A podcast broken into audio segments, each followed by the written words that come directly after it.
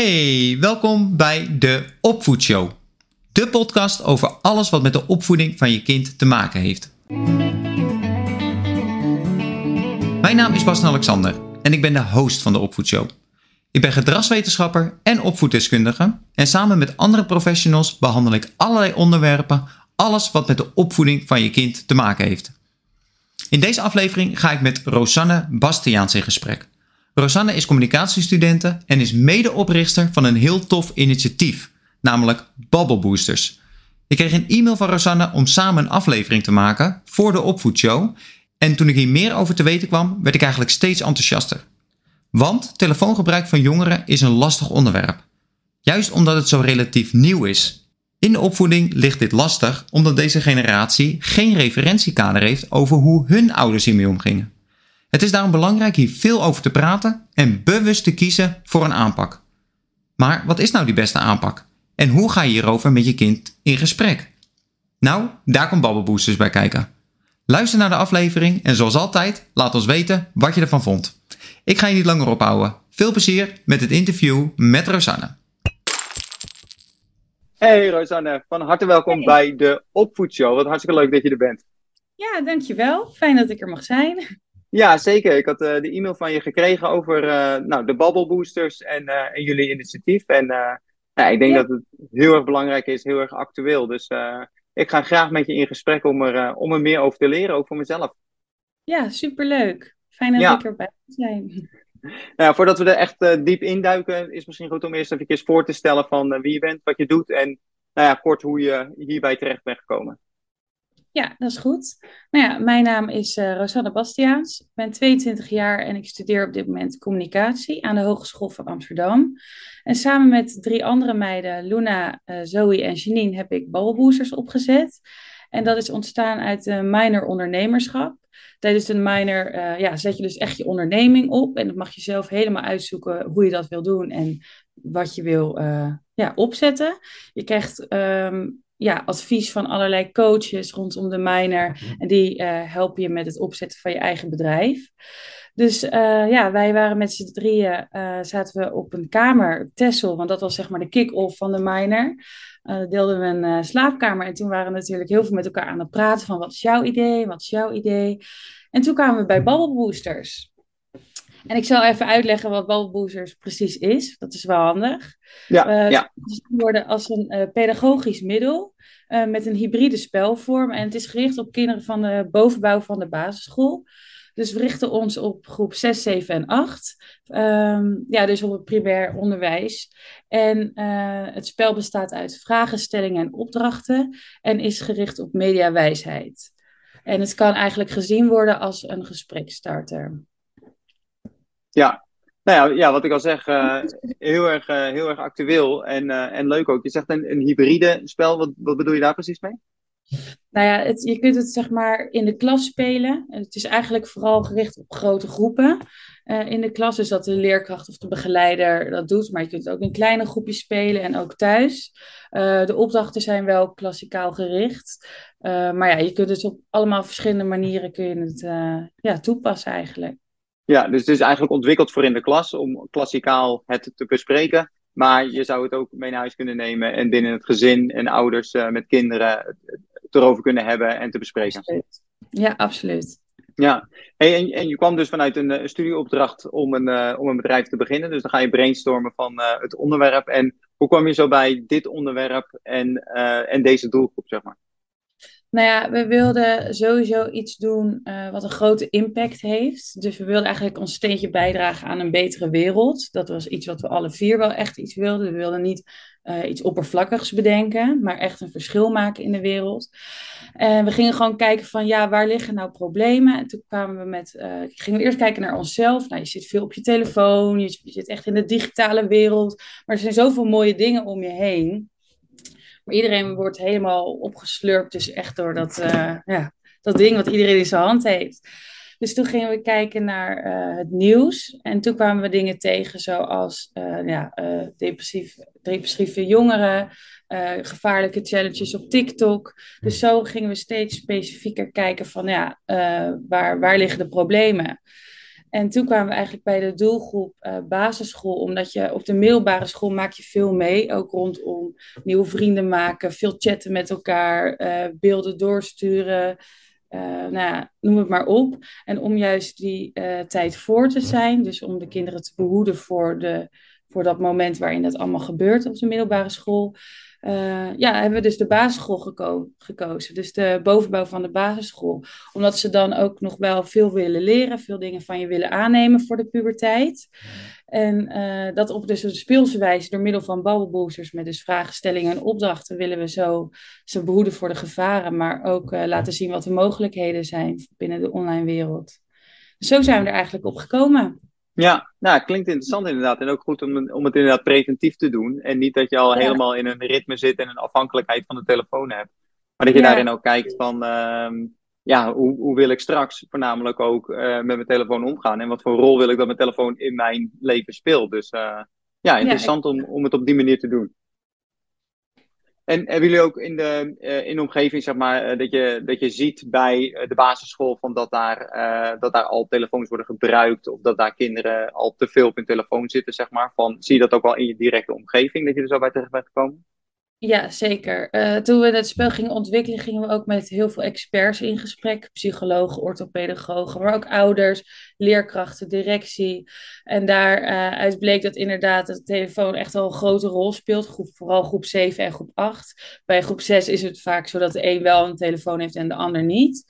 Um, maar ja, vooral de WhatsApp-groep is echt een ding. Want dan heb je dus als klas een WhatsApp-groep en daar gebeurt van alles in. Er worden beelden ingestuurd, is ongepaste inhoud. Uh, sommige mensen die helemaal niet in de klas zitten, die worden eraan toegevoegd. Nou ja, uh, cyberpesten, de een die wordt er dan uh, uitgegooid of ja, niet opgenomen in een nieuwe groep. Of ze, ze spammen elkaar met honderden berichten.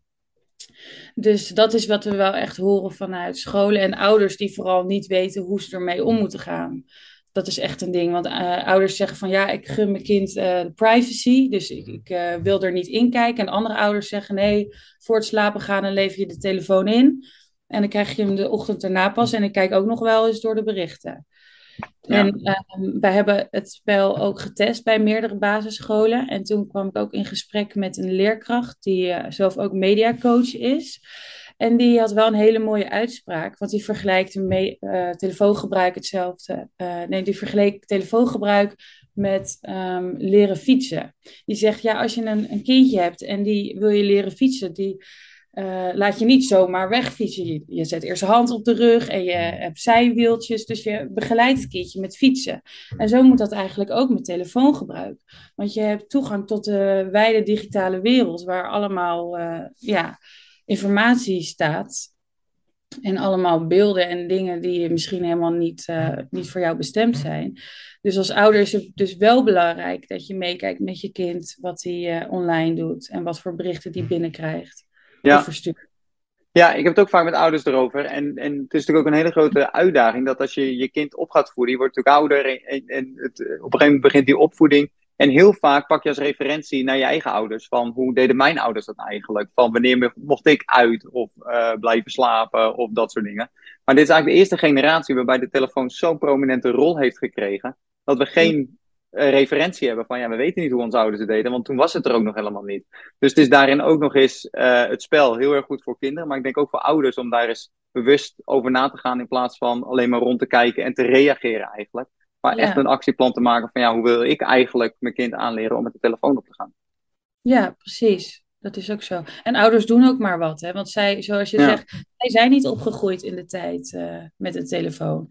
En hun kinderen wel. Ja. Dus ja, het is ook lastig voor ouders van hoe ga je daarmee om. Ja, ja, zeker. Hey, en om dan nog even in te zoomen op die ontwikkeling ervan. Je bent dus met uh, allerlei specialisten en mensen de, die uh, aan het voorfront staan, uh, met, die met de kinderen werken en zo, ben je in gesprek gegaan. En, uh, en als je dan kijkt concreet naar Bubble Boosters, je zegt dus dat zijn allemaal vragen en stellingen uh, die, die gesteld worden. Kun je wat voorbeelden noemen en hoe jullie daar zo uh, bij terecht zijn gekomen om, om daarop te gaan richten, zeg maar? Ja, ehm, nou, bijvoorbeeld onderwerpen die we aankaarten zijn uh, afspreken met, of chatten met onbekenden. Veel uh, kinderen vinden dat grappig of leuk of spannend. Maar dat is natuurlijk, kan super gevaarlijk zijn, want je kan een uh, hele knappe jongen online zien. Maar dat kan net zo goed een oude man zijn die achter zijn telefoon zit. Of over de gevaarlijke challenges op TikTok. Ik weet of je daar een beetje bekend mee bent. Maar je hebt bijvoorbeeld de Sand en Ice Challenge. En dan plaatsen ze zout op een lichaam. En dan doen ze een ijsblokje erop. En dan ja, ontstaan er eigenlijk wonden. En dat veroorzaakt gewoon uh, huidschade bijvoorbeeld. Of de Blackout Challenge, dat ze zich bewust... Uh, ja, dat ze bewusteloosheid creëren bij zichzelf of bij anderen. Nou, dat zijn te ziek voor woorden natuurlijk, maar dat gebeurt er nu online. Uh, ze leren bijvoorbeeld ook over het verschil van echt nieuws en nepnieuws hoe je dat her kan herkennen en hoe dat je kan beïnvloeden. En hoe je uh, online met elkaar omgaat. Um, en het delen bijvoorbeeld van persoonlijke informatie. Want het internet dat vraagt heel veel informatie van je op. En uh, stel je post een foto voor je huis met het huisnummer erop. En je, mensen weten waar je woont. En je deelt daarna dat je op vakantie bent. Nou, voor inbrekers is dat uh, het ideale moment om binnen te treden. Dus dat zijn, ja, dat zit een uh, notendop op een aantal uh, onderwerpen die we bijvoorbeeld behandelen. Ja, en kun je dan concreter maken van uh, misschien een voorbeeld? Of volgens mij heb je, heb je het spel ja. nu ook bij je, van dat je er de, iets dieper op ingaat. Hier, hier voor me liggen. nou, ik heb een voorbeeld van een stelling. En dat is: hoe meer likes ik krijg, des te leuker ik ben. En dan moet je kind of de kinderen moeten zeggen: zijn ze oneens of eens? Als je dat in de klas speelt, dan kun je zeggen, nou ga links staan als je eens bent, oneens uh, rechts. Maar ook aan tafel kun je dit natuurlijk gemakkelijk met je kind bespreken. En uh, nou ja, wij weten natuurlijk dat dat niet samenhangt, het aantal likes, hoe leuk je bent. Maar uh, kinderen en soms oudere mensen denken wel dat dat zo werkt. En dan hebben wij ook een digitale handleiding waar dan een stukje tekst staat met uitleg, zodat de ouders ook wat erbij kunnen vertellen hoe dat dan zit. Want uh, hier staat bijvoorbeeld de uitleg die erbij hoort, is dat je een stofje dop dopamine aanmaakt in je brein. Dat is eigenlijk je gelukstofje. En uh, zodra je een, een like krijgt, dan, dan krijg, dat, krijg je dat gelukstofje. Want mensen zijn groepsdieren en sociale wezens, dus die zijn op zoek naar sociale bevestiging. En dat gaat tegenwoordig heel gemakkelijk via social media. Dus eigenlijk is het soort van verslavend dat elke keer als je een like binnenkrijgt, denk je, oh, yes, ik ben blij, het geeft me een goed gevoel. Dus dat is het uh, genotsgevoel wat wordt veroorzaakt. Maar dat hangt natuurlijk niet samen. Kijk, als ik 30 likes krijg en jij 10, betekent niet dat ik leuker ben dan jij. Dus nou ja, dat is bijvoorbeeld een stelling uh, ja, die er tussen zit. Tussen zit. Een, uh, een vraag die we hebben is: uh, in welke situatie gedroeg een vriend of vriendin zich online anders dan in het echt?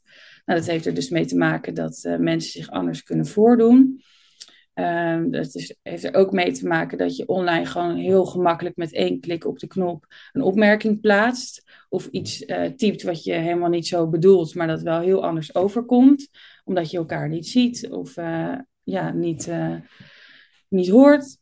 Dus ja, dat dingen gewoon heel anders kunnen overkomen. En dan staat er bijvoorbeeld nog een stukje tekst bij van of ze weten wat een catfish is. Want dat is iemand die uh, iemand anders uh, uh, foto gebruikt en die zich dus voordoet als iemand anders. Dus zo ja, koppelen we er ook allemaal weetjes aan, zodat de kinderen of de begeleider, ouder of leerkracht er ook zelf wat meer over kan vertellen en er meer over weet. Ja. En uh, een opdracht is bijvoorbeeld uh, uh, zoek een, een voorbeeld van nepnieuws op en waaraan herken je het? Oh ja, ja. Dus, ja, super ja, interessant. Hey, en um, ik, ik, neem aan, je hebt, het ook, je hebt het ook uitgeprobeerd en gezien. En, en hoe vind je dat, dat, en dan voornamelijk de kinderen natuurlijk, van hoe ze daarop reageren? Ja, nou daar verbaasde ik me wel over. Dat ze best wel slim zijn, al best wel veel weten van wat er online gebeurt. En ze vinden het heel leuk om erover te praten, want het is echt hun belevingswereld. Dus ze willen ook veel delen. Uh, ze gaan ook met elkaar in gesprek. Zeker als je zo'n stelling hebt van je het eens of oneens.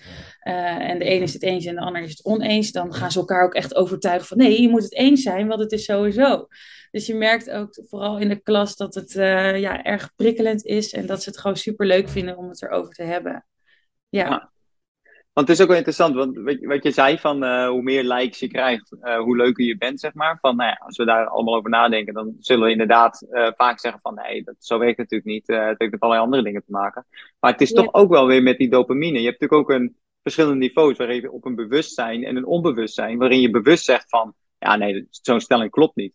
Maar die dopamine, en hoe meer je lijkt, hoe gelukkiger je wordt. Onbewust zal je er misschien wel in geloven van als je maar een paar likes krijgt, dat je je, je, je, je zelfwaarde, zeg maar, naar beneden voelt gaan. Van ja, ik ben dus helemaal niet zo populair of leuk of wat dan ook. En dat je het onbewuste wel aan koppelt, terwijl je bewust weet dat het niks met elkaar te maken heeft. Ja, dat is ook zo. En daardoor, uh, door zeg maar met bubble boosters uh, te spelen als kind, dan creëer je ook juist het be bewustzijn van, Precies. oh, dat komt dus daardoor, oh, dus ik hoef me niet zo te voelen. Of, uh, ja. ja, en, en soms ook het uitspreken ervan. Dus het, het, het, weten is iets anders dan het ook echt uitspreken en ernaar leven, zeg maar. Dus ik denk door uh, inderdaad in discussie te gaan met zo'n stelling of, uh, of vragen te antwoorden of die opdrachten. Ja, super powerful om, om een ander beeld ervan te creëren. Ja, zeker. Absoluut. Ja. En als je dan kijkt naar, naar het grotere doel van jullie zijn dit dan begonnen en jullie willen dus zo grootschalig mogelijk uh, uitrollen, zeg maar, van dat het uh, voornamelijk in klassen wordt, uh, wordt gebruikt en dan terug naar, naar de thuissituatie ook. Wat hopen jullie uiteindelijk ermee te bereiken, zeg maar, van wanneer is het project geslaagd? Nou ja, we hopen sowieso een, een generatie, de generatie wat te leren en uh, ze eigenlijk mediawijs te maken. Want op dit moment wordt er op scholen al best wel wat aan gedaan. Maar dan is het in de vorm van een mediawijsheid week. Maar met ons spel kun je dagelijks bijvoorbeeld een dagstart doen met een stelling. Of een dag afsluiten met een opdracht. Kun je gewoon het gehele jaar kun je er aandacht aan besteden. En juist omdat er zoveel issues zijn rondom uh, ja, mediaopvoeding en mediawijsheid, is het gewoon belangrijk dat je continu uh, up-to-date blijft, ook van de laatste ontwikkelingen, en dat je de kinderen ook echt dingen bijbrengt. Want een kind kan goed zijn in Nederlands en rekenen enzovoort, maar het moet ook gewoon goed in zijn of haar vel zitten. En als dat kindje thuis komt en uh, niet toegevoegd wordt aan een groepschat en dat wordt weer meegenomen op het schoolplein de volgende dag op school, ja, hoe ga jij uh, goed scoren op de ja, hoofdvakken, om het even zo te zeggen, als jij zelf niet helemaal lekker in je vel zit. Dus ons, uh, ja, ons einddoel is gewoon echt een mediawijze generatie uh, creëren. Waarin de kinderen dus uh, bewust zijn en kritisch kijken naar de online wereld. Ja, Hey, en in het onderzoek wat jullie gedaan hebben, jullie hebben dus nogmaals heel veel experts en, en interviews en zo afgenomen. Wat zien jullie dan bij, en dan misschien bij een, een latere generatie, het grootste gevaar? Je noemt het al eventjes op qua uh, depressie, cyberpesten en, en het mentale vlak. Wat, wat zie je als het groot, van stel dat het niet zou gebeuren, dat we niet mediawijs zouden, zouden worden. Wat, wat zou het grootste gevaar zijn? Wat, wat, wat is eruit gekomen? Uh, nou ja, dan ga je dus, dan bedoel je op de middelbare school, denk ik. Ja, middelbare school, oudere, oudere kinderen. Nou, het kan ook zijn dat je bijvoorbeeld onbewust meedoet aan uh, cyberpesten. Want als jij een, een beeld binnenkrijgt van iemand die belachelijk wordt gemaakt, dan wordt het heel gauw doorgestuurd. Vooral op middelbare scholen, ja, waarschijnlijk ook op basisscholen, maar vooral in de middelbare schooltijd, tijdens de middelbare schooltijd, dan gebeuren dat soort dingen. En als je iets doorstuurt van iemand anders, dan doe je eigenlijk ook mee aan cyberpesten. Maar dat realiseren ze zich niet altijd. Want dan denken ze, oh haha, grappig, ik stuur het door naar mijn eigen vrienden. Maar je maakt iemand anders er wel mee kapot. Dus het is uh, ook uh, een stukje kijken kritisch naar jezelf. Van hoe ga, gedraag ik me online? En uh, de dingen die ik online doe, zijn die wel oké? Dus um, ja, dat vooral. Ja, en eh, van, uh, als, als gevolg daarop ook, zeg maar, van uh, je, je begon dus ook het, het, het, project en de business van uh, welke problemen lopen wij zelf tegenaan. Nou, je hebt natuurlijk mm -hmm. zelf ook een telefoon gebruikt. Wat is het grootste verschil voor jou zelf geweest? Dat je zegt van, doordat ik met Bubble Boosters de vragen, het onderzoek en zo bezig ben geweest, doe ik dit nu anders met mijn eigen telefoon?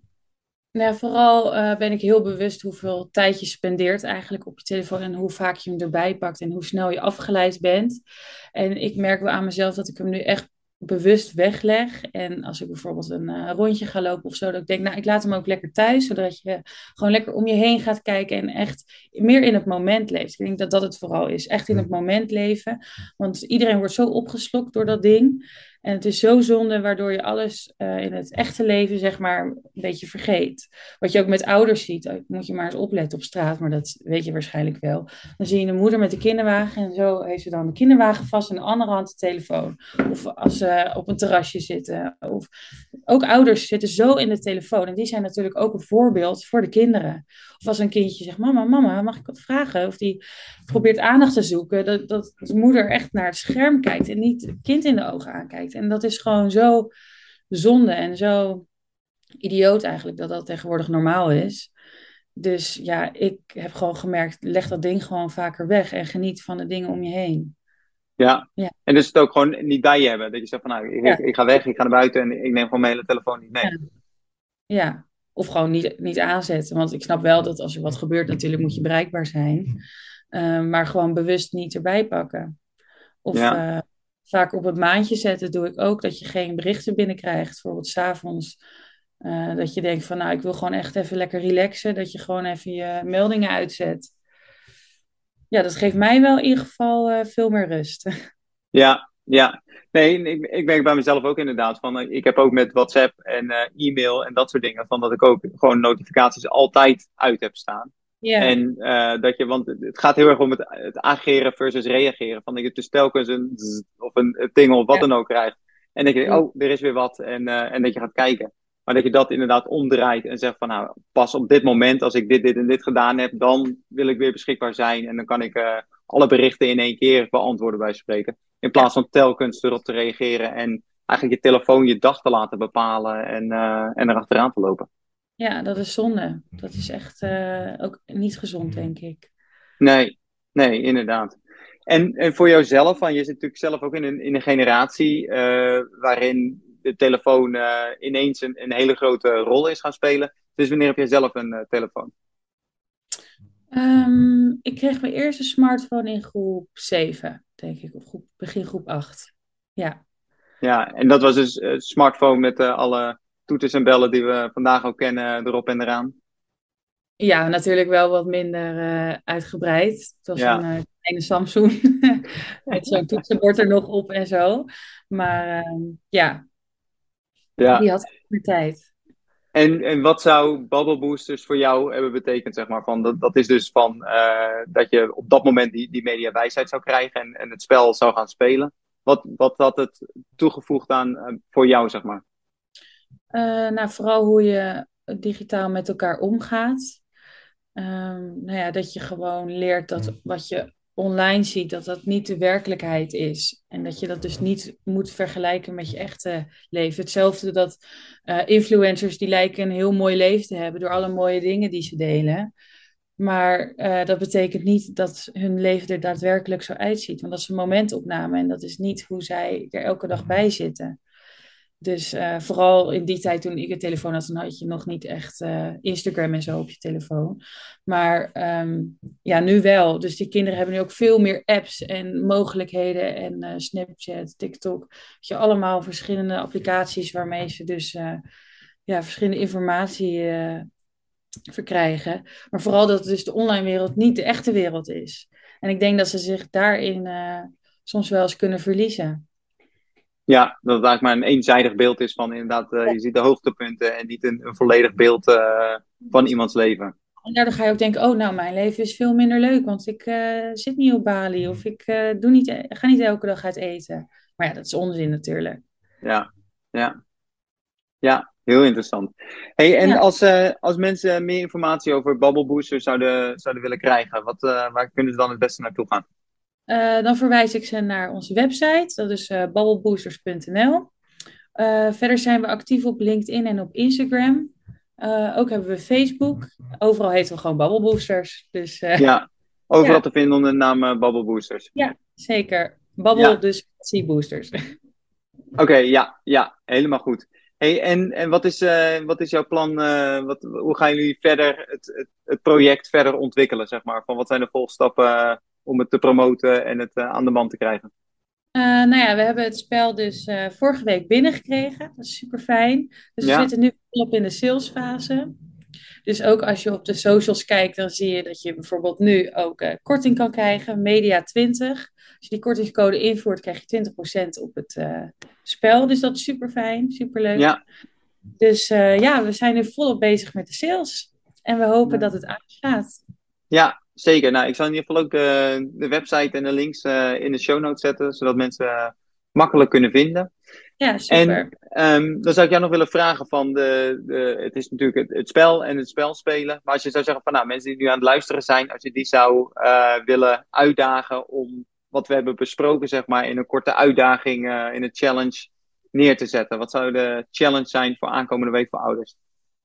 Uh, ja, dat, is, dat kan bijvoorbeeld de uh, stelling zijn die ik net ook benoemde. Vraag aan je kind, hoe meer likes ik krijg, des te leuker ik ben. Ben je het daarmee eens of oneens?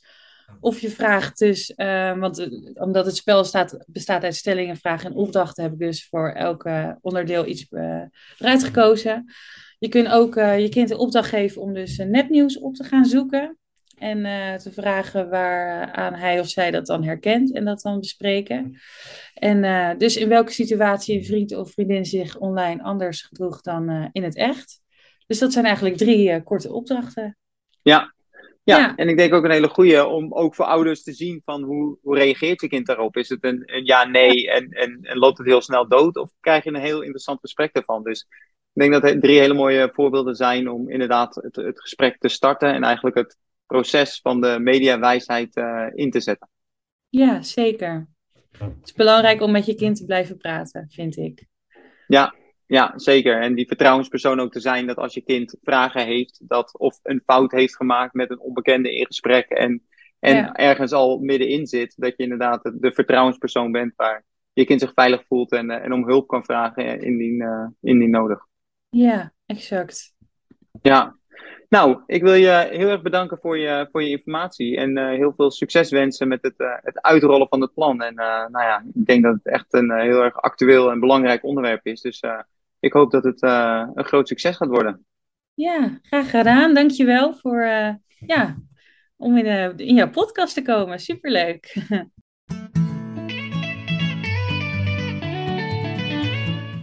Ja, dat was hem alweer. De aflevering met Rosanne van Bubble Boosters. Vergeet je niet om de aflevering te delen met iemand die deze informatie goed kan gebruiken. En vergeet ook niet om een review achter te laten in de podcast-app waar je deze aflevering aan het luisteren bent. Veel succes met de challenge en tot de volgende!